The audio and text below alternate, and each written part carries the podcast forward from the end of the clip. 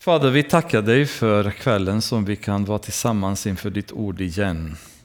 Vi ber om din välsignelse, vi ber om din styrka. Vi ber Herre att du ska öppna vårt sinne och vårt hjärta. Så de ord som kommer från dig går in och slår rot. Det är min ständiga bön och önskan Fader att ordet ska slå rot i våra hjärtan och ge resultat och växa. Så att ordet aldrig kommer kvävas utav bekymmer, utav oro, aldrig kvävas eller tas bort utav Satan, Herre, utan ordet ska alltid vara kvar där och den här frön ska växa och ska ge frukt. Jag tackar dig för Patrik, för Ove, för Kevin, för Pelle, för Miriam, Herre. Och ber att du ska välsigna dem i Jesu namn. Amen. Och Elis.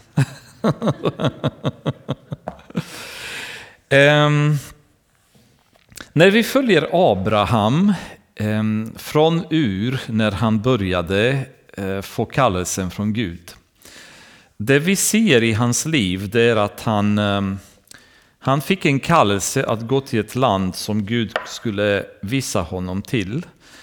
Och han började gå och sen gick under Guds ledning eh, den här långa vägen och sträckan som han avverkade. Och när han kom till, till Kanaans land så hade Gud sagt till honom att det är det här landet som jag kommer att ge dig. Och gick in i detalj och förklarade vad som skulle hända. Men hela tiden så ser vi att i valet av det som Abraham gjorde så fanns Gud med. Han eh, ledde honom och han visade honom vilket land han skulle bo i. Och eh, han följde ju hela tiden Guds ledning. Han hade sin lilla strapats i Egypten men sen var han tillbaka i Kanaan och återbekräftade löftet att det där var landet han skulle bo i.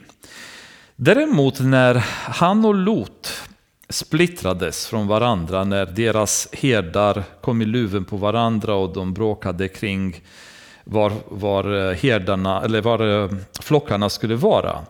Så tittade Lot över Sodom och Gomorra och slätterna och såg att det var som Egyptens land, det var som en lustgård, alltså frodigt landskap.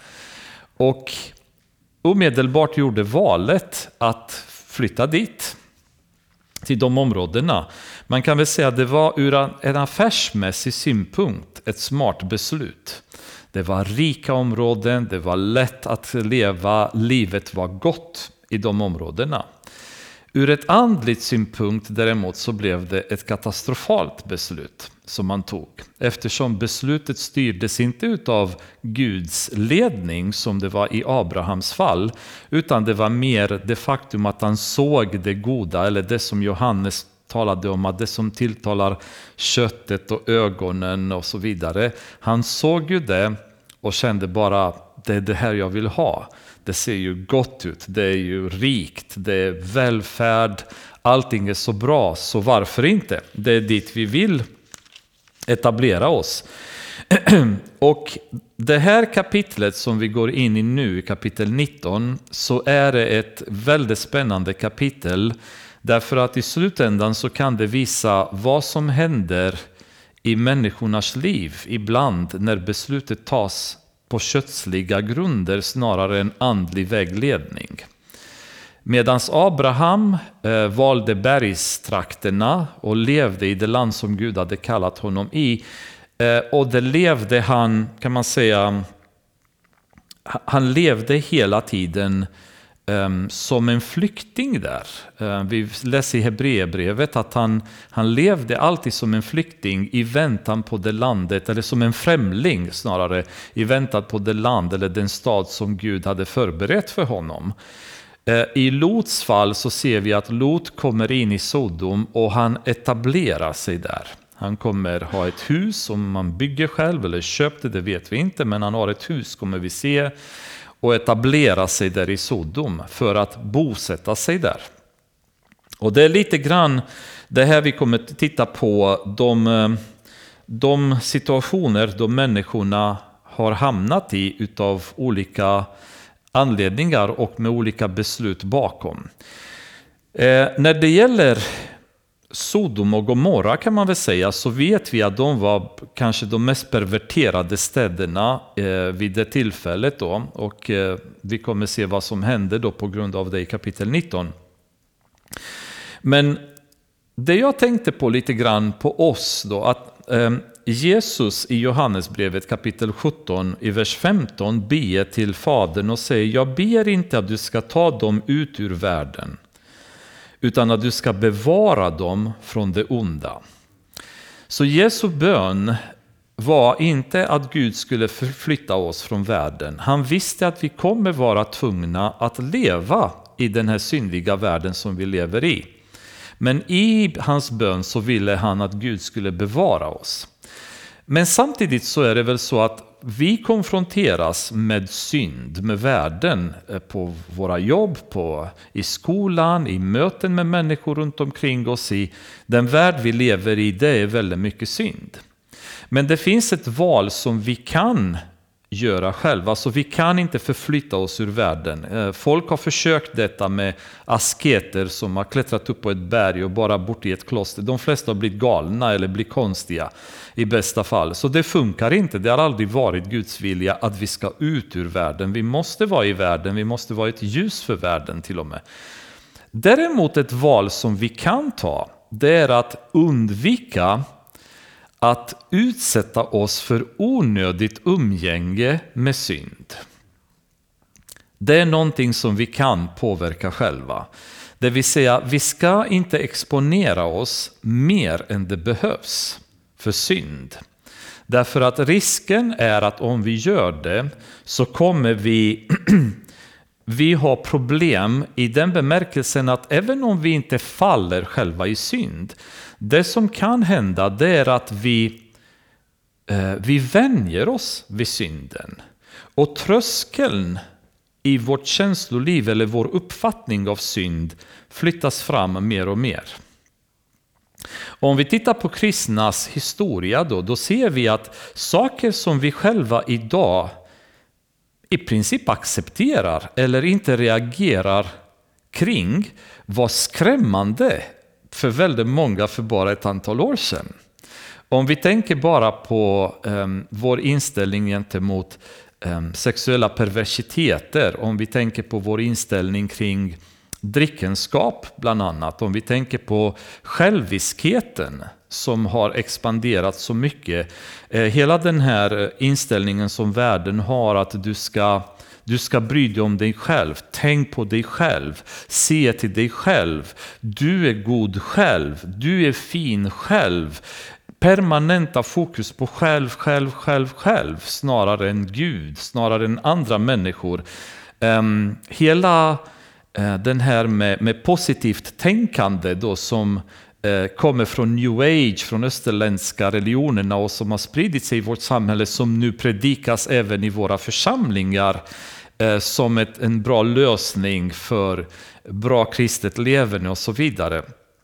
Homosexualitet nu som kryper in i församlingar. Saker som sådana vidrigheter hade folk bara, det var, hade varit hårresande för bara ett antal år sedan inom kristendomen Men det faktum att vi exponerar oss till synden gör att vår uppfattning för vad, vad som är synd eh, har börjat sänka, sänkas och då börjar den synden krypa in i våra liv och i våra församlingars liv dessutom. Någon definierade synden som en bedövningsmedel mot hjärtats förmåga att känna Gud. Och det är precis det som vi numera ehm, får permanenta injektioner med bedövningsmedel så att vårt hjärta får svårare och svårare och svårare att känna Gud. Lot hade umgåtts med Abraham, de hade rest tillsammans en lång väg under Guds ledning. Men någonstans på vägen genom köttet så tog han ett beslut att flytta till Sodom. Och där etablerade han sig, där hade han familj. Och Synden i Sodom blev till slut ett stort problem för städerna runt omkring. Och den exponeringen så hade han kanske inte behövt. Han kunde kanske ha frågat Gud, är det okej okay att jag bor här? Eh, vi, läs, vi läser i Petrus eh, andra kapitel, vi kommer läsa senare hela den biten, men han beskriver det faktum att Lot tyckte var väldigt jobbigt att bo där. Det var kämpigt för honom att se synden. Så man tycker att någonstans på väggen kanske kunde Lot ha frågat Gud, ska jag verkligen vara här eller ska jag flytta härifrån då? Eh, men vi vet inte om han har gjort det, vi har i alla fall ingen anteckning om att han har gjort det. Men man har exponerat sig till onödigt mycket synd. I första Korintierbrevet så säger eh, Paulus eh, Eh, i kapitel 15, vers 33. Låt inte bedra er, dåligt sällskap fördärvar goda vanor. Tro inte att ni kommer kunna umgås med människor som lever djupt i synd utan att ni själva kommer börja påverkas av det. Eh, vi kan möta synd i vår tillvaro, men vi behöver inte Eh, betonade umgänget. Vi behöver inte spendera mer tid än vi behöver. Jag kommer ihåg själv ehm, efter kommunismens fall. Under kommunismen så hade vi en enda tv-kanal i Rumänien. Och den tv-kanalen hade ungefär två timmar program varje dag. Och de två timmarna bestod i att eh, de visade Ceausescu, våran diktator, som besökte någon grisfarm någonstans eller stod på ett fält med en utsträckt hand och visade bönderna hur de ska odla. Eller så här, fullständiga idiotier som ingen tittade på därför att det var bedrövligt, meningslöst. Um, vilket innebar att vi, var inte, vi tittade inte på tvn helt enkelt. Det var knappt att någon satte på tvn. Och efter kommunismens fall då så plötsligt så skulle nu tvn, och det, allting var censurerat. Så om någon gång så fanns det någon film på tvn och i den filmen hade varit en scen som var någorlunda naken eller promiskuös av något slag. Puff, så var det bara plötsligt klipp i filmen, så försvann en bit och så började det igen då. Så alla de här scenerna censurerades bort. Eh, det var inga svordomar i tv, det var ingen nakenhet i tv, inget sånt här. Men det var inte mycket annat heller att se. Men efter kommunismens fall så plötsligt så skulle landet bli modernt. Och det första jag kommer ihåg än idag, när vi satt en kväll och såg på en film där några kvinnor dansade kan-kan och lyfte på benen och skjortorna flög i luften. Det var inte vad vi ens skulle kalla med dagens mått mätt en naken scen. Men så mycket nakenhet, om man vill kalla det, hade vi aldrig sett på tvn. Och vi var helt förskräckta. Hur kan man visa sånt på tvn? Och det var, jag vet kristna i församlingar, de det var predikningar och folk sa vad är detta, Satan har kommit in i tvn och så vidare. då. Vem reagerar på något sånt idag? Ingen. Vi har, nötts, vi har liksom vant oss vid synden så att scenerna har blivit allvarligare och grövre och mer och mer vulgära. Nu sitter vi kristna och tittar på Bonde söker fru där en man sitter och kysser flera kvinnor och lever fullständigt promiskuöst och ingen av oss reagerar. Tvärtom, vi tycker det är så spännande att titta på sånt. Så synden, de, synden har börjat bedöva våra hjärtan och vi reagerar inte på det längre. Och det är ju problemet som blir när vi onödigt umgås kring synd. Det finns områden där vi kan säga stopp, det här tittar inte vi på. Stopp, de här personerna vill vi inte hänga ihop med därför att de har en dålig inverkan på vårt liv. Men vi ska fortfarande leva i världen. Vi är tvungna fortfarande att stå ut med synden. Men låt oss inte stå ut onödigt mycket. Jakob 4.4 står det Vänskap med världen är fiendskap mot Gud. Den som vill vara vän med världen blir fiende till Gud. Det finns liksom ingen mittemellan där. Är man vän med världen, då blir man per automatik fiende till Gud. De två går aldrig att förena.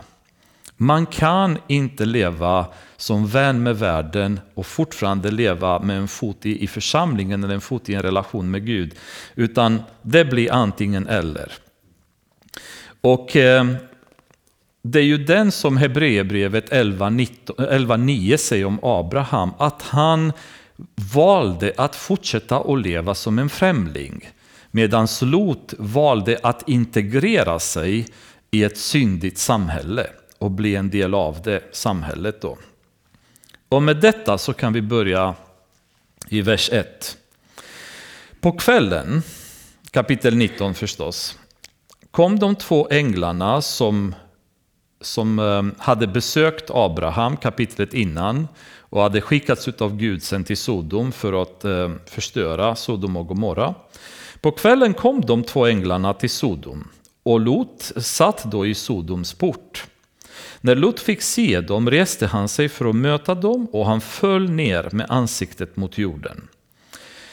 Att Lot satt i porten var inte samma som Abraham satt i öppningen på tältet när Gud kom. Eh, att sitta i stadsporten på den tiden det betyder att man, var, man tillhörde stadsledningen. Att de hade en domarposition, en ledande position. Då. Vi kommer se Boas sen när vi pratar om Rut, hur han var i stadsporten och det var ju där de som ledde staden, de samlades och stod, satt i porten. Så han hade blivit uppenbarligen en slags kommunfullmäktige eh, ja, ledamot då i staden i Sodom var en del av ledarskapet. Och när han ser um, de två änglarna komma så faller han ner med ansiktet mot jorden och sade Mina herrar, kom med till er tjänares hus, tvätta era fötter och stanna över natten. Sedan kan ni forts fortsätta er färd tidigt imorgon. De svarade Nej, vi stannar på torget över natten. Um, och det är ju, stanna på torget kanske låter lite skumt, liksom. skulle de sova på en parkbänk eller osäkert liksom om vad de menar med att stanna på torget. Eh, om de menar på att vi kommer förmodligen utforska staden eller spana in hur stadens situation är och så vidare. Det vet vi inte då, men i alla fall, de tackade nej till, till att vara med eh, som gäster. Men Ehm, det är ju ändå Mellanöstern och den här eh, gästkulturen där, så Lot eh, står på sig och han bad dem så enträget, vers 3, att de vek av och kom in i hans hus. Han ordnade en festmåltid åt dem och bakade osyrat bröd och de åt. Innan de hade lagt sig omringades huset av männen i staden. Sodoms män, både unga och gamla, allt folket utan undantag. De ropade på Lot och sade till honom, var är männen som kom till dig i natt? Skicka ut dem till oss så att vi får ligga med dem. Så det står att alla, alltså alla män i staden, unga som gamla, samlades runt omkring Lots hus. Så att de omringade eh, huset. Och deras eh, begäran var att de ville helt enkelt att de här två männen skulle komma ut så att de själva skulle ha sexuella relationer med dem. Och det känns så, så fruktansvärt vidrigt när man läser det. Eh, men frågan är hur i dagens kultur, hur, hur vidrigt detta skulle uppfattas. Förmodligen skulle man uppfatta att det var lite fel för att de ville förgripa sig på dem och man får väl inte göra det. Men för mig är det dubbelt vidrigt. Dels att de ville ha sexuella relationer män med män och sen att det var vidrigt att de dessutom ville våldta dem. Så jag skulle tänka mig att de här två männen var ganska vackra. Alltså det var ändå änglar. och... Eh, alla de här männen i staden blev fullständigt upptända när de såg dem. Men det säger en hel del om, alltså, ni tänker en hel stad där alla män är homosexuella och våldtäktsmän. Kan det, kan det bli vidrigare än så? Tveksamt. Alltså vem vill bo i en sån stad? Och i den här staden har Lot hängt ganska länge. Um, ganska tufft. Liksom. Jag känner att eh, om man inte blir speciellt kallad av Gud att flytta till Amsterdam och jobba i Red Light-distriktet, då bör man kanske inte göra det. Ehm, för att sannolikheten att du kommer falla i din relation med Gud är ganska hög när man flyttar dit, som man i alla fall eller andra vidriga områden som finns i världen där synden har en tendens att koncentrera sig. Ehm, vi bör stå utanför om vi inte specifikt har kallat oss, kallats av Gud att kunna medverka där eller ha ett evangelistiskt arbete för vilket då Gud kommer utrusta oss att kunna klara av att bedriva. Men annars är det kanske något vi ska, vi ska undvika. Men, ehm, men avskyvärda handlingar i alla fall som de ville eh, utföra mot de här två männen som hade kommit till Lot.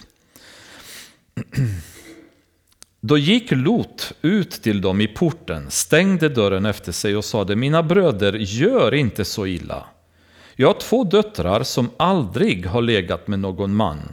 Låt mig skicka ut dem till er, så kan ni göra vad ni vill med dem. Gör bara inte något mot de här männen eftersom de har kommit i skydd under mitt tak. Och det här är en väldigt kontroversiell vers som folk har så många olika åsikter kring. Varför sänkte sig Lot till den här nivån där man erbjuder sina döttrar att bli våldtagna utav den här mobben? Alltså, det var hela staden, alla männen i staden. Och han säger, jag lämnar mina döttrar till er, gör vad ni vill. De kan bli våldtagna, de kan bli dödade, de kan bli misshandlade, det kan bli precis vad som helst. Och han är beredd att göra det. Och här blir det spekulationer fram och tillbaka och jag tänker faktiskt inte spekulera i någonting. Därför att vi har inget exempel eller förklaring till hur Lot tänkte. Tänkte han att de här männen var så viktiga och de låg under hans tak så han, han hade skyldighet att göra vad som krävdes för att skydda dem. Hade han vid det här laget insett vilka de här männen var och därför på något sätt var väldigt noga med att ingenting skulle hända dem? Det vet vi inte. Kan det vara så att stadens perversa sätt att leva inte gjorde det så märkvärdigt att erbjuda sina döttrar i ett sådant sammanhang? Var det kanske ett vanligt beteende som kunde förekommit i staden? Mycket möjligt, det vet vi inte. Men hur man än vrider och vänder på det så känns det inte roligt att det har varit hans döttrar i alla fall. Och veta att kanske kommer han slänga ut oss till den här mobben som kommer göra med oss precis vad de vill. Eh, märklig vers i alla fall. Eh, jag har hört jättemånga och en del påstår sig själva veta exakt hur Lot tänkte men det vågar inte jag säga. För det finns ingenstans skrivet i Bibeln. Det är många, många tusen år sedan. Vi vet inte exakt mentaliteten, vi vet inte kulturen i staden. Så att börja spekulera och, och bestämma kring vad som var rätt och fel och hur han tänkte, det får någon annan göra som kan kanske göra det bättre. Men det låter ju i alla fall väldigt jobbigt, väldigt märkligt. Ehm, som tur är för döttrarna så var inte de här eh, männen särskilt intresserade. För de svarade, vers 9, flytta på dig. De sa det vidare, han har kommit hit som främling och nu vill han bli vår domare. Nu ska vi göra mer ont mot dig än mot dem. Och de trängde sig med våld mot Lot och stormade fram för att spränga dörren.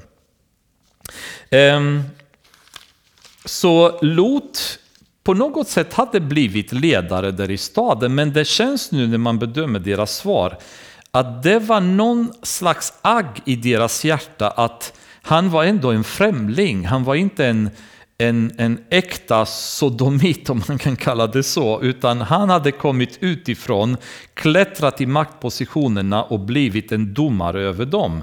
Och det här agget nu exploderar när han säger till dem bröder, nu får ni sansa er, det här är inte okej, okay, ni får inte göra så. Och då är bara ungefär, vem är du att snacka, vi gör som vi vill. Och här är ju någonting som vi bör också vara vaksamma, vaksamma kring. Därför att när vi när vi tror att vi är accepterade av världen, en del kristna har en slags behov av att bli omtyckta av sina grannar, att bli omtyckta av klasskamraterna, arbetskamraterna, människor vi kommer i kontakt med. De ska, de ska inte betrakta oss som för konservativa, för fundamentalistiska. De ska se att vi är flexibla. Vi är, vi är en av dem trots allt, fast vi har en tro på Gud och så vidare. Det kan vara så att vi etablerar någon slags ehm, ah, fungerande, halvfungerande relation med människorna runt omkring oss. Men eftersom vi inte är en del av deras kultur, det är bara en tidsfråga innan de kan vända sig mot oss och agera som med fiendskap gentemot oss därför att vi tillhör inte denna värld. Och trots att vi försöker att blidka dem eller vi försöker att göra saker som de tycker om. Jag är kanske en lärare i skolan och ja, jag hänger också prideflaggor i min, mitt klassrum. för Ja, alltså alla andra gör det. Jag behöver inte kanske skapa en konflikt och bara säga att jag är någon slags konservativ. Eller, eller ja, på min, mitt arbete kanske krävs det att jag gör saker som är ogudaktiga. Men jag överväger lite grann, är det så farligt? Är det, ah, det kanske inte spelar så mycket roll. Arbetskamraterna måste ändå förstå att jag är en del av dem och jag måste ha respekt för att normerna och spelreglerna på min arbetsplats är annorlunda än den, vi, än det jag har själv och så vidare.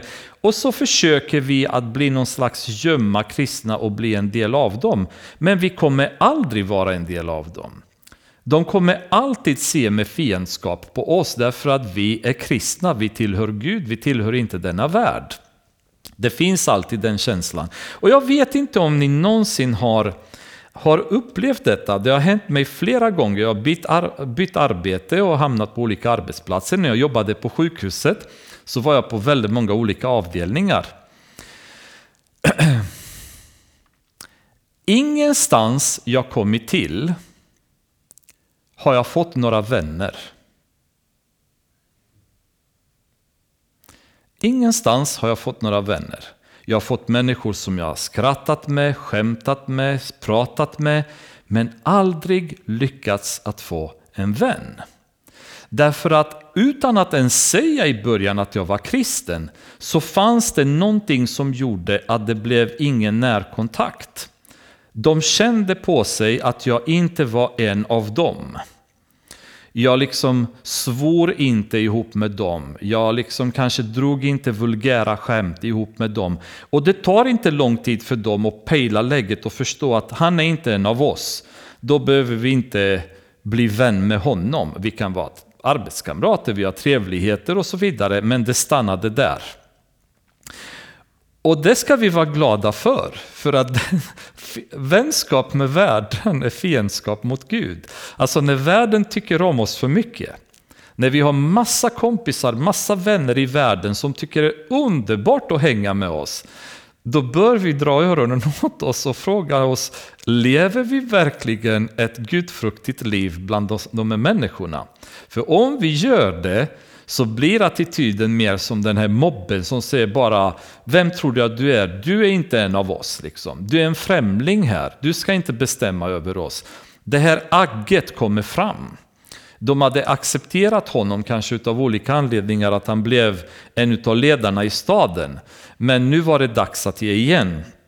De var inte särskilt glada Eh, över detta. Och nu kan vi vänd, eh, gå till andra Petrusbrevet kapitel 2. För där beskriver Petrus själv lite grann vad, vad Lot upplevde och hur, han, hur hans tillvaro var där egentligen. Kapitel 2 så kan vi läsa från vers 6.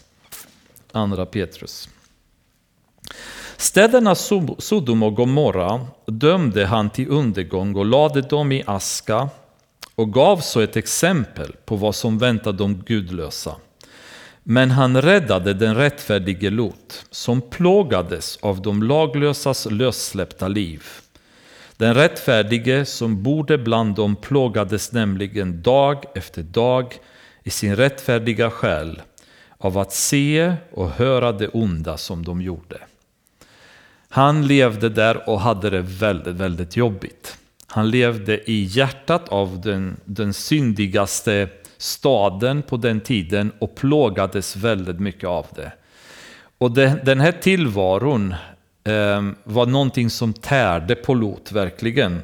Och därför var han egentligen inte populär bland de här männen. Han var inte en av dem. Då räckte männen, det vill säga de två änglarna, ut sina händer och drog in Lot till, huset, till sig i huset och stängde dörren.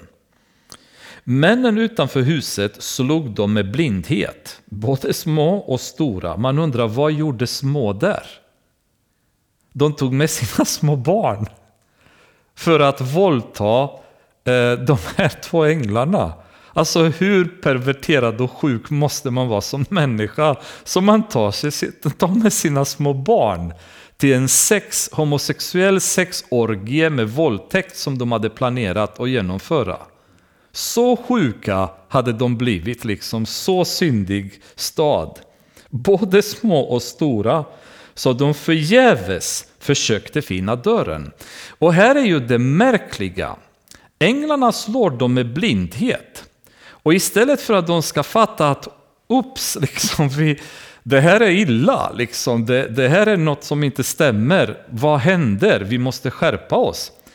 De är så drivna i sin synd, så trots att de är blinda så försöker de fortfarande att hitta dörren för att ta sig in. Man tänker, men du är ju blind, gå hem liksom, låt det vara. Men de, de ger sig inte liksom. Och det är ju det, det märkliga att synden, när synden tar över människan så förstör synden människan. Och människorna ser hur deras liv blir fördärvade på grund av synd, men de kan inte sluta. Man fortsätter ändå i synd. Man fortsätter ändå, trots att den ena olyckan kommer efter den andra, så vill man inte ge upp sin livsstil. Tänk på alla alkoholister som har råkat ut för att de har trillat, de har brutit sig, de har haft bilolyckor och så vidare, men inte slutat de dricka. Trots att ju mer de dricker, desto mer olyckor händer, desto mer problem får de. Familjen splittras samman, de förlorar sitt hus och så vidare. Men man ger inte upp. Istället för att säga hela mitt liv är i kaos på grund av synd, jag kanske måste sluta. Vi har blivit blinda allihopa, uppenbarligen det här är något så att säga övernaturligt när alla männen i staden blir blinda.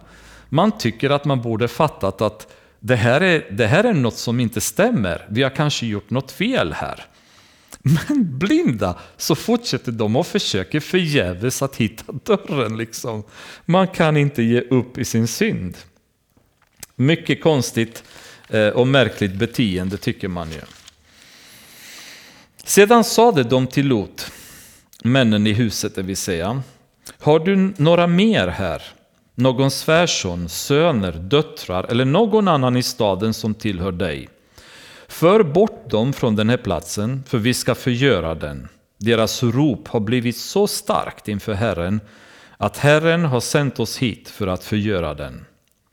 Då gick Lot ut och talade med sina svärsöner, de som skulle få hans döttrar, och sade Bryt upp Ta er ut från den här platsen, för Herren tänker förgöra staden. Men hans svärsöner trodde att han, han skämtade. Här kan det bli ett, ett, ett, en liksom mots, motsägande situation. För att först säger Lot att hans döttrar inte har känt till någon man. Och nu står det här att det här var hans svärsöner. Och det var svärsönerna till just de två döttrarna han hade, kommer vi se. Hur kan det, hur kan det stämma? Jo, det var nämligen så att i den kulturen så, så var det någonting som man, man blev utlovad som fru till någon och från det ögonblicket så betraktades den kvinnan som den mannens fru. Men de kanske inte hade gift sig, de kanske inte bodde under samma tak än, men de var bortlovade, det vill säga de var kingade att du ska gifta dig med honom. Vilket troligen var situationen här. Döttrarna levde fortfarande med Lot, de var förmodligen bortlovade till de här svärsönerna, men det hade inte förekommit ett umgänge, sexuellt umgänge eller fysiskt umgänge mellan dem än så länge. Men svärsönerna i alla fall, de var inte pigga på att följa med för de trodde att, eh, att Lot skämtade. När gryningen kom skyndade änglarna på Lot och sade bryt upp, ta med dig din hustru och dina båda döttrar som är här, så att du inte går under genom stadens synd. När Lot dröjde tog männen hans hand. Alltså, när två änglar kommer till Lot, Lot och säger vi har kommit hit för att förgöra den här staden. Och nu säger änglarna till honom, ni måste härifrån fort, därför att vi kommer förgöra staden. Vad gör Lot? Han dröjer. Han dröjer. Alltså, när, när Gud talar till oss och, och säger att vi ska göra någonting, kan det vara för att han har en plan för oss? Han kanske gör det för att vi ska undvika bli straffade, vi ska undvika en katastrof. Oavsett anledning, i grunden när Gud säger någonting till oss så måste vi lyda honom, för han vet varför han säger det. När, när änglarna säger till Lot, du måste härifrån, det finns inget mer att stanna och dröja, utan då är det bara dra därifrån. Alltså när två änglar från Gud kommer till dig och säger, nu måste du härifrån, då sticker man därifrån omedelbart. Det finns inget mer att dröja. Men problemet, problemet med världen, det är att det har ofta så hårt grepp över oss, så vi har jättesvårt att lämna den. Någon sa en gång att om inte synden vore så ljuvlig, så vore det inte så lätt att falla i den. Synden är attraktiv. Synden gör att vi vill gärna vara där. Vi vill gärna umgås i den miljön. Vi vill gärna vara en del av det. Och världen har sitt grepp över oss. Och det är väldigt många utav oss som genom åren har gått miste om välsignelser från Gud därför att vi har inte gått när Gud har sagt att vi ska gå. När Gud har sagt till oss att vi ska lämna en typ av liv eh, eh, som vi levde har vi vägrat. När Gud har talat till oss och sa att du måste skärpa dig har vi vägrat. När någon annan, en broder, en syster kanske har konfronterat oss så har vi blivit arga. Vi har sagt, vem är du att tala om för mig? Vem är du att döma mig? Vi har fortsatt i det levande som vi haft innan.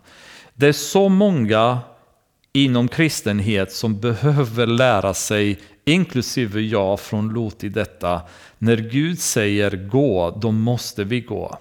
Det finns inget mer att dröja, att hänga och avvakta, men han levde rikt och välmående i en lustgård.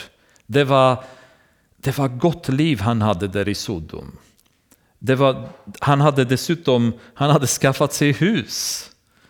Allt han hade fanns där. Han hade dessutom blivit en mäktig man i Sodom. Så det är inte bara att dra. Det finns mycket som håller en på plats. Och därför är det så viktigt, bland annat som Paulus betonar, att allting är gott, men ingenting får ta över oss. Det är därför det är så bra att vi inte är beroende av rikedomar, vi är inte beroende av drickande, vi är inte beroende av en viss typ av umgänge, vi är inte beroende av vårt favorit-tv-program, vi är inte beroende av en idrott, vi är inte beroende av någonting som kristna. Därför att det kan komma en dag när Gud säger nu vill jag att du ska gå. Och då ska vi kunna gå. Det ska inte finnas någonting som håller oss knutna till världen, utan då ska vi vara fria att följa Gud. Men när vi har så mycket i världen, investerat så mycket här i världen och satsat så mycket på världen, då är det så svårt att gå dit Gud skickar oss, därför att vi vill inte lämna den bekvämlighet, den livsstil, de hobbys som vi har, därför att det, det, det är en del av vårt liv. Det har krupit så mycket in i vårt liv. Och det är så, så tragiskt tycker jag när kristenheten har blivit så så kall, så eller göm kanske rättare, eh, ännu bättre ord att beskriva. Därför att det är så mycket som världen gör som vi gör själva. Sysselsättningar som världen ägnar sig åt har blivit det vi själva ägnar, ägnar oss åt. Ehm, hur många kristna som springer från mötena för att kunna se på sport på tv eller inte kommer på mötena för att det går skidåkning till exempel eh, på tv. Garanterat. Garanterat många. Hur många som undviker komma på bön därför att det går eh, Mandelmans kanske en tisdag kväll på tv eller något annat program. Eh, det, det är permanent det här, världen håller oss i ett grepp. Och vi ligger där i greppet och förstår inte att vi får, den här är ju, det här är en injektion som vi dagligen får i som bedövar våra liv och vårt hjärta så att vi inte kan känna Gud längre. Det där skulle jag nog säga är, är ett stort och allvarligt problem och det är det som Jesus pratar om när han pratar om, om kyrkan i Laodikea. Du har blivit göm. Du har blivit bedövad. Det finns ingenting i dig och det enda jag kan göra det är bara spotta ut dig ur min mun. Um, och, och, jag vet inte hur man kan komma från det tillståndet annars än krypa tillbaka till korset. Krypa tillbaka till Gud i bön, i ordet, söka honom och bara omvända oss från synd. Men det var inte, inte för jättelänge sedan när, när en person, när vi pratade om synd och vikten av att vi bekänner våra synder, frågade mig vilken synd ska jag bekänna för jag kan inte komma på någon. Och då kände jag bara wow. Så vi tror att vi lever så heligt så att vi har inte ens några synder att bekänna längre. Och det kanske förklarar varför så sällan i våra böner ber vi Gud att förlåta oss våra synder. Fast i Fader vår så står det att det är en väldigt viktig del av vår bön. Men tänk i församlingarna idag. Eh, ni som kollar på tvn, kolla på kanal 10. Hur ofta hör ni människor där be Gud om förlåtelse för synderna. Hur vanligt är det i kristenhet idag att vi ber Gud om förlåtelse? Vilket innebär en, en omvändelse som vi permanent gör då i våra liv. Ytterst, ytterst sällsynt. Därför att våra liv har blivit bedövade. Vi känner inte, vi känner inte synden längre, att det finns i våra liv och det, det äter upp oss inifrån. Världen har fått sånt grepp över oss. Så vi dröjer hela tiden. Och vi liksom hela tiden vi pratar om att det ska bli väckelse, vi vill se saker hända och så vidare. Men, men vi vill inte gå. Vi dröjer, vi dröjer, vi dröjer. Liksom. Och återigen första Korintierbrevet kapitel 15, vers 23, eller 33.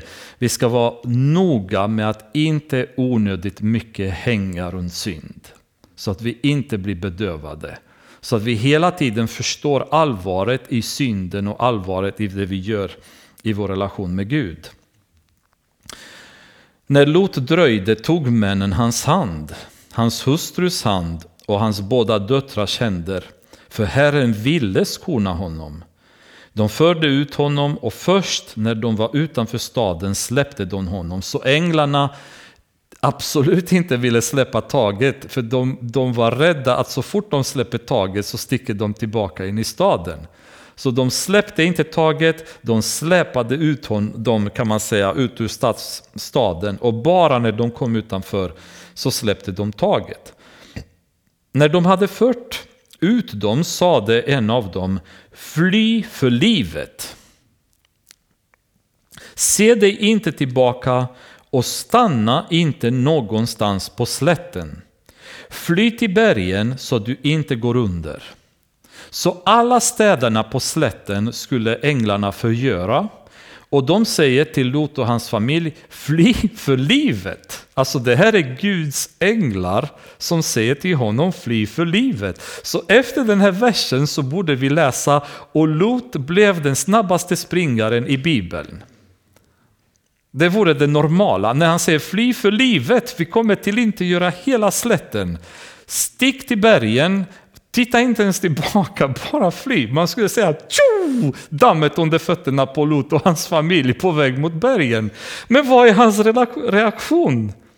Jättehäftigt, vers 18. Men Lot sade till dem, åh nej, herre, åh nej, jag vill inte. Jag vill inte. Alltså när Guds änglar säger till dig fly, då får vi utgå ifrån att de vet varför de säger det. När de säger fly till bergen så vet de varför de säger fly till bergen. Lots reaktion är åh nej! Va? Hur, hur kan man säga åh nej till Guds änglar? Och han, står och förhandlar med dem och säger din tjänare har ju funnit nåd för dina ögon och du har visat din stora godhet mot mig genom att rädda mitt liv. Men jag kan inte fly upp till bergen för då kan olyckan hinna ifatt mig så att jag dör. Alltså Lot har änglaskydd med sig. Han har två änglar som är så mäktiga så de kan förgöra städer på rullande band över hela slätten. Och han säger Tänk om en olycka hände mig i bergen. Jag menar, du har ju Guds beskydd med dig. Varför ska du vara rädd? Vad är problemet med att fly till bergen när Gud är med dig och skyddar dig? Och han säger gå dit. Om man tycker att det är lustigt och man tycker att det är märkligt. Men hur ofta har vi inte exakt samma attityd själva?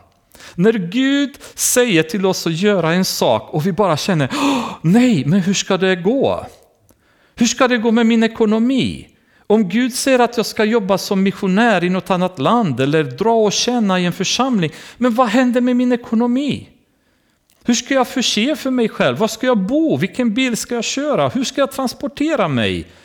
Gud har inte koll.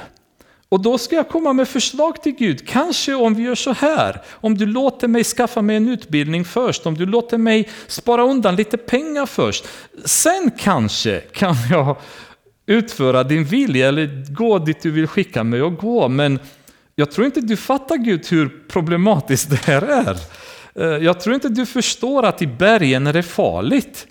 Eh, jag kan inte vara där alldeles för mig själv. Tänk om en olycka händer.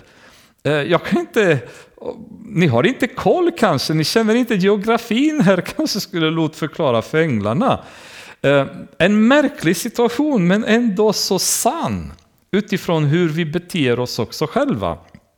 Att det är så många gånger som vi vill annat än vad Gud vill. Istället för att vi ska bara säga ja, vi, vi drar dit du vill att vi ska dra. Se staden där borta ligger nära, säger Lot. Det är lätt att fly dit. Det är lätt att fly dit. Vi, låt oss göra det lite lätt. Bergen är jobbiga, men jag har en väg som är mycket lättare. Kolla på staden där borta. Och den är liten. Låt mig fly dit så att jag får leva. Den är ju så liten. Då svarade han honom, jag ska göra som du vill också i det här. Jag ska inte omstörta staden du talar om. Men skynda dig att fly dit, för jag kan inte göra något förrän du är där. Därför fick staden namnet Soar, som betyder litet. Så här är ju Lots förhandling. Så han, han vill dra där det är lite lättare. Men när man tittar på var Soar låg, så låg Soar i närheten av Sodom och Gomorra. Det var samma typ av stad. Det var fortfarande en syndig stad, men det var fortfarande en stad i den välmående delen av slätten. Där Lot kände här kommer funka lite bättre för mig. Det, vi, kan, vi kan fortsätta återta det liv som vi har haft innan, för potentialen finns. Och staden är bara liten, det är inte så mycket ont folk som det var i Sodom och Gomorra, så vi, vi bör ju klara det. Eh, var, eh, vi har pratat många gånger i bibelstudier om hur Gud har alltid en plan A. Och Guds plan A är det bästa för våra liv det bästa för vår församling, det bästa för det han vill uppnå. Men vi spjärnar emot. Vi går emellan och inte alltid följer honom. Vi kommer med våra, vår vilja, våra tankar, vår förhandling, eh, vårt motstånd. Och då ibland gör Gud så att han låter oss göra det vi själva vill och då hamnar vi i plan B. Och han är ibland där och hjälper oss så gott han kan och vill under de omständigheterna. Men plan B blir aldrig lika bra som plan A. Och man kan tycka ibland, varför låter Gud oss ta dåliga beslut? Därför att han har gett oss fri vilja. Och han, han försöker att prata med oss, han försöker att övertyga oss, men ibland så är vi envisa och vi går vår väg. Och Gud fortfarande älskar oss. Och då försöker han göra det bästa han bara kan utifrån den väg som vi har valt. Och det blir dock aldrig så bra som det hade blivit om vi hade gått hans väg. Då hade det gått smärtsamt, eller eh, smärtfritt, då hade det varit välsignat. Men istället så tar vi plan B. Och nu ska Gud börja utifrån plan B och se hur kan jag göra det så gott så det bara går för er fast beslutet är fel. Ni har gått inte den väg, det kommer bli en mycket större omväg till att komma till målet där ni skulle ha kommit. Men han får igenom sin vilja. Och som ni ser från änglarnas svar, de sa, jag ska inte omstörta staden du talar om. Den staden skulle ha förgjorts, förgörts också. Men änglarna säger, vi skonade, för din skull, gå dit, det är okej, okay. vi sparar den staden. Solen hade gått upp över jorden när Lot kom till Soar. Då lät Herren svavel och eld regna ner från himlen från Herren över Sodom och Gomorra. Han ödelade dessa städer, hela slätten som bodde i städerna ehm, och alla som bodde i städerna och det som växte på marken. Men Lots hustru, som följde efter honom, såg sig tillbaka och hon blev en saltstod. Tidigt nästa morgon gick Abraham till den plats där han hade stått inför Herren och såg ner över Sodom och Gomorra och hela slättlandet. Då såg han rök stiga upp från landet som röken från en smältugn. När Gud ödelade städerna på slätten tänkte han på Abraham och lätt Lot komma undan förödelsen när han omstörtade städerna där Lot hade bott.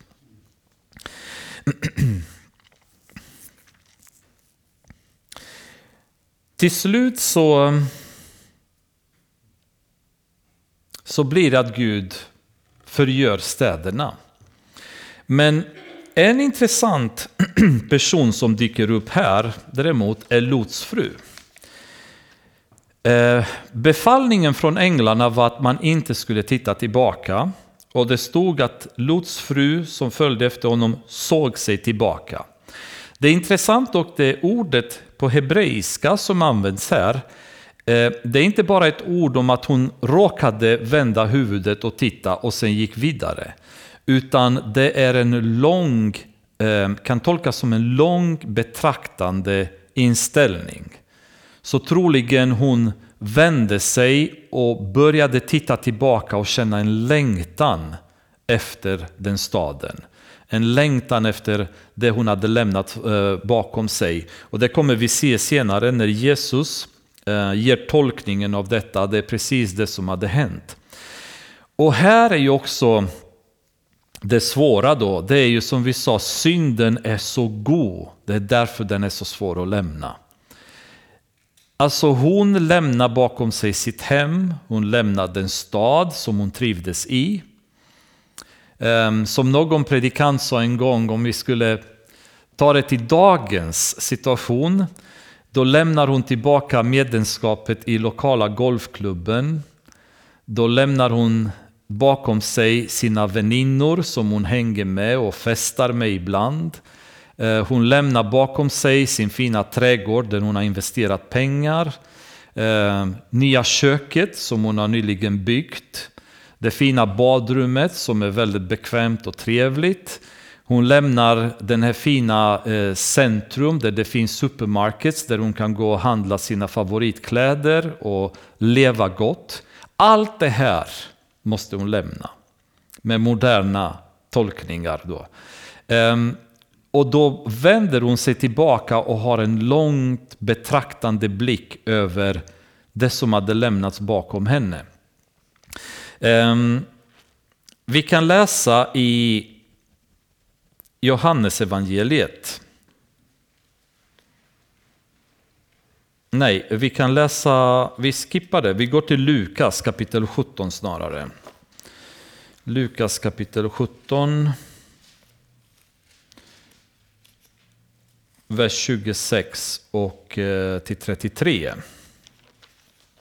Det är Jesus tolkning av det som hade hänt och en uppmaning som han dessutom ger oss i samband med det. Kapitel 17 och så eh, 26 till 33. Så som det var på Noas tid, så ska det vara under Människosonens dagar.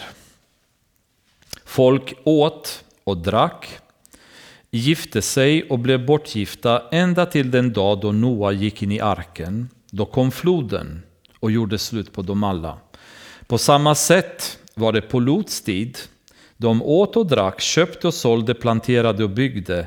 Men den dag då Lot lämnade Sodom regnade eld och svavel från himlen och gjorde slut på dem alla. På samma sätt ska det bli den dag då Människosonen uppenbarar sig. Den dagen ska den som är uppe på taket och har sina saker i huset inte gå ner och hämta dem. På samma sätt ska den som är ute på åkern inte återvända hem. Och här säger han, tänk på Lots hustru. Och vers 33. Den som försöker bevara sitt liv ska mista det, men den som mister sitt liv, han ska rädda det. Så vad säger Jesus? Tänk på Lots hustru, varför? Vad, vad hade hon förmodligen försökt att göra? Hon försökte att be, bevara sitt liv. Det goda livet som hon hade i Sodom, det hade hon svårt att släppa. Och Jesus säger, den som kommer försöka att bevara det i sitt liv kommer mista det. Och hon miste det omedelbart. För henne fanns det ingen, vi tror, vi, alltså hon, hon hade ju levt med Lot som Petrus sa var en rättfärdig man. Dessutom var de släkt med Abraham, mannen som var vän med Gud. Hon var väl insatt eh, säkert väldigt mycket i Gud och visste mycket om honom. Men hennes liv hade inte blivit förändrat till grunden utan Sodoms liv hade fortfarande stor betydelse för henne. Och hon miste sitt liv omedelbart. Och många människor idag tror att det går, det går att lalla omkring i livet och någonstans när vi närmar oss dödsbädden, ja men då kan man sitta och omvärdera och ta ett beslut.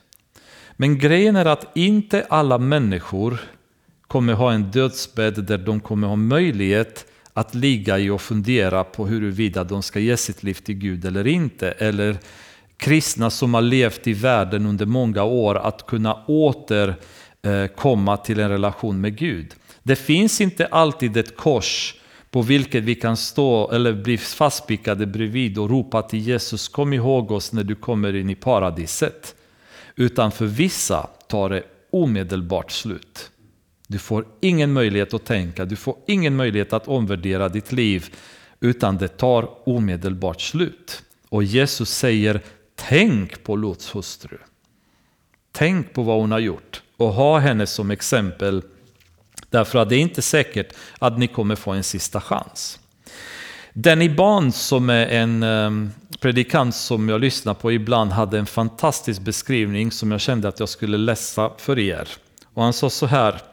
Du kan offra som Kain, gråta som Esau, känna som Gehazi.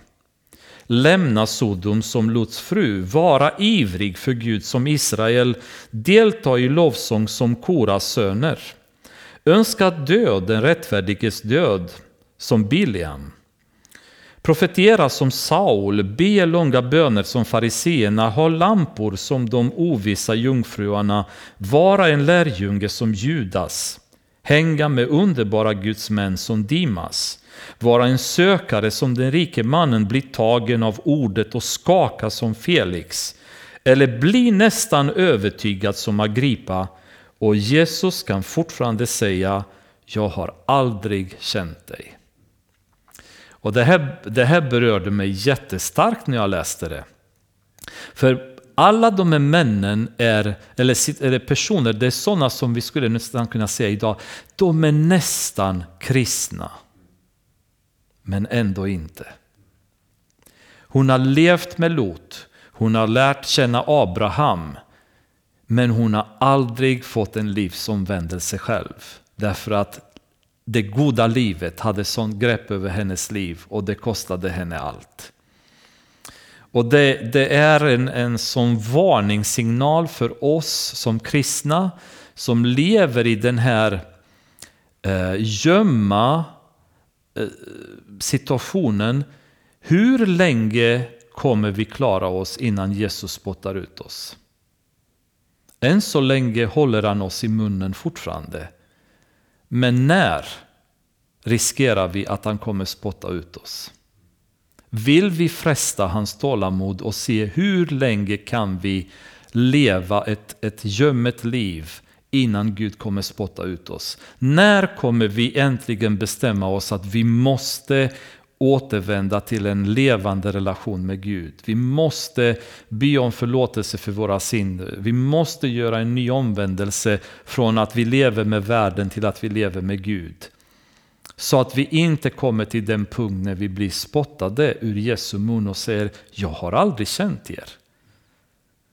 Ni har varit nästan där, men ert liv har inte varit överlämnat åt mig. Jag har aldrig känt er och jag kommer spotta ut er ur min mun. Men vers 29 det står att Gud tänkte på Abraham och det är på grund av Abraham som Gud skonade Lot och hans familj. Annars är det mycket möjligt att de hade gått under med städerna. Lot drog ut från Soar upp till bergsbygden och bosatte sig där med sina båda döttrar för han vågade inte bo kvar i Soar. Jaså? Var sa änglarna att han skulle ta vägen? Till bergen? Var ville Lot dra? Till Soar. Vad hände sen? Han vågade inte bo där med döttrarna. Det vill säga till bergen kom han i alla fall. Men då tog han en omväg och hamnade i bergen och skonade tack vare det en stad som egentligen skulle ha blivit förstörd av änglarna som var full av synd. Och staden var fortfarande syndig därför att han vågade inte ens gå in där med döttrarna och drog ändå till bergen. Han bodde med sina båda döttrar i en grotta. Vad glamoröst att hamna i en grotta liksom, när han kunde ha följt Guds råd från början. Men nu levde han i en grotta med sina döttrar.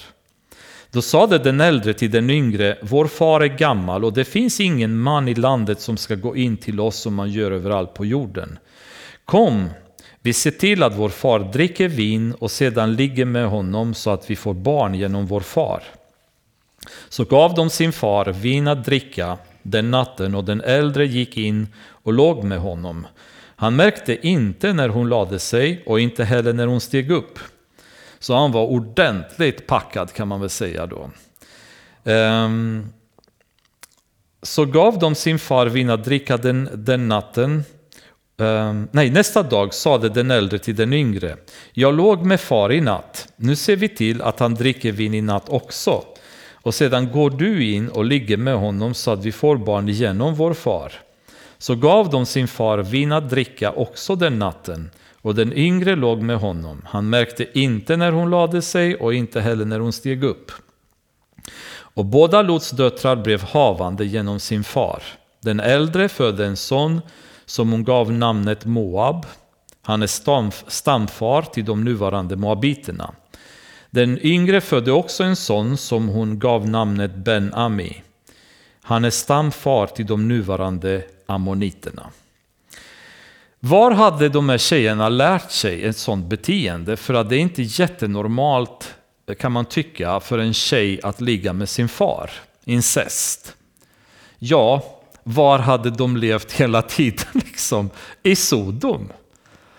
Återigen, liksom, lever man i synd, lever man i närheten av mycket perversion och synd så kommer man få den och drabba en, alltså mentaliteten kryper igen. Eh, nivåerna för vad som är okej okay och inte okej okay sänks i ens liv. Och det är ju, man kan inte betona tillräckligt mycket hur viktigt det är för oss individuellt och som församling att vi avskiljer oss från världen och lever för Gud. Därför att annars så blir det problem. Och problemet som orsakades av den här synden, det var att två utav stammarna som föddes, Moab och Ammon, blev de som var dödsfiender till Israel genom hela deras historia. Med krig, med elände och med problem mellan ammoniter, moabiter och Israel. På grund av en perversitet som de hade lärt sig i Sodom och Lot hade druckit sig full och så blev det resultatet av detta. Synd är aldrig bra. Och Avslutningsvis så förstår vi varför Daniel hade så kompromisslös attityd gentemot synd. Det vill säga inte ens komma i närheten av det. Därför att så fort du har gjort det så kommer du bli fördärvad. Och det stod i Daniel kapitel 1 att Daniel beslutade sig i sitt hjärta att inte äta den maten som hade lagts framför honom. Det vill säga han tog ett beslut, han höll det i sitt hjärta och stod fast vid det. Oavsett så kommer jag inte att synda. Jag kommer inte kompromissa i mitt liv. För kompromiss leder alltid till problem. Nästa gång så går vi vidare. Då kommer Abraham igång igen och eh, klantar sig på nytt. Ehm, men vi stannar här för ikväll. Fader, jag tackar dig för eh, ditt ord och tackar dig för den uppmuntran och den uppmaning som vi alltid får när vi läser det. Jag ber för mig själv och jag ber för församlingen, Herre, här. Fader, jag ber för en sån sån vidrörande från ditt heliga Ande i våra liv, Herre, så att det blir ett beslutsamt ett beslut, beslutsam inställning hos oss att inte leva i synd, Herre. Att kunna avskilja oss från världen, söka ditt ansikte på riktigt, Herre, och leva under din ledning. Jag ber, Herre, för veckan som kommer. Vi kommer så fort vi kommer härifrån kommer utsättas för samma frestelser som vi alltid utsätts för. I våra hem, på våra jobb, interaktion med människor runt omkring. Fader, jag ber att du ger oss styrka att kunna stå fast. Låt det vara en ny början i vår relation med dig när vi ska göra allt för att kunna vara dig kära Herre. Så du kan titta på oss och känna glädje. Vi vet att våra goda gärningar inte är mycket värda inför dig Fader, men vi vill kunna göra goda gärningar som dina barn. Eh, inte för att kunna imponera för dig, utan därför att det känns rätt, det känns gott för våra liv, Herre. Ge oss styrka Fader att kunna göra det och fyll oss med din heliga Andens kraft, för utan honom kan vi inte göra det. Och vi ber detta i Jesu namn Fader. Amen.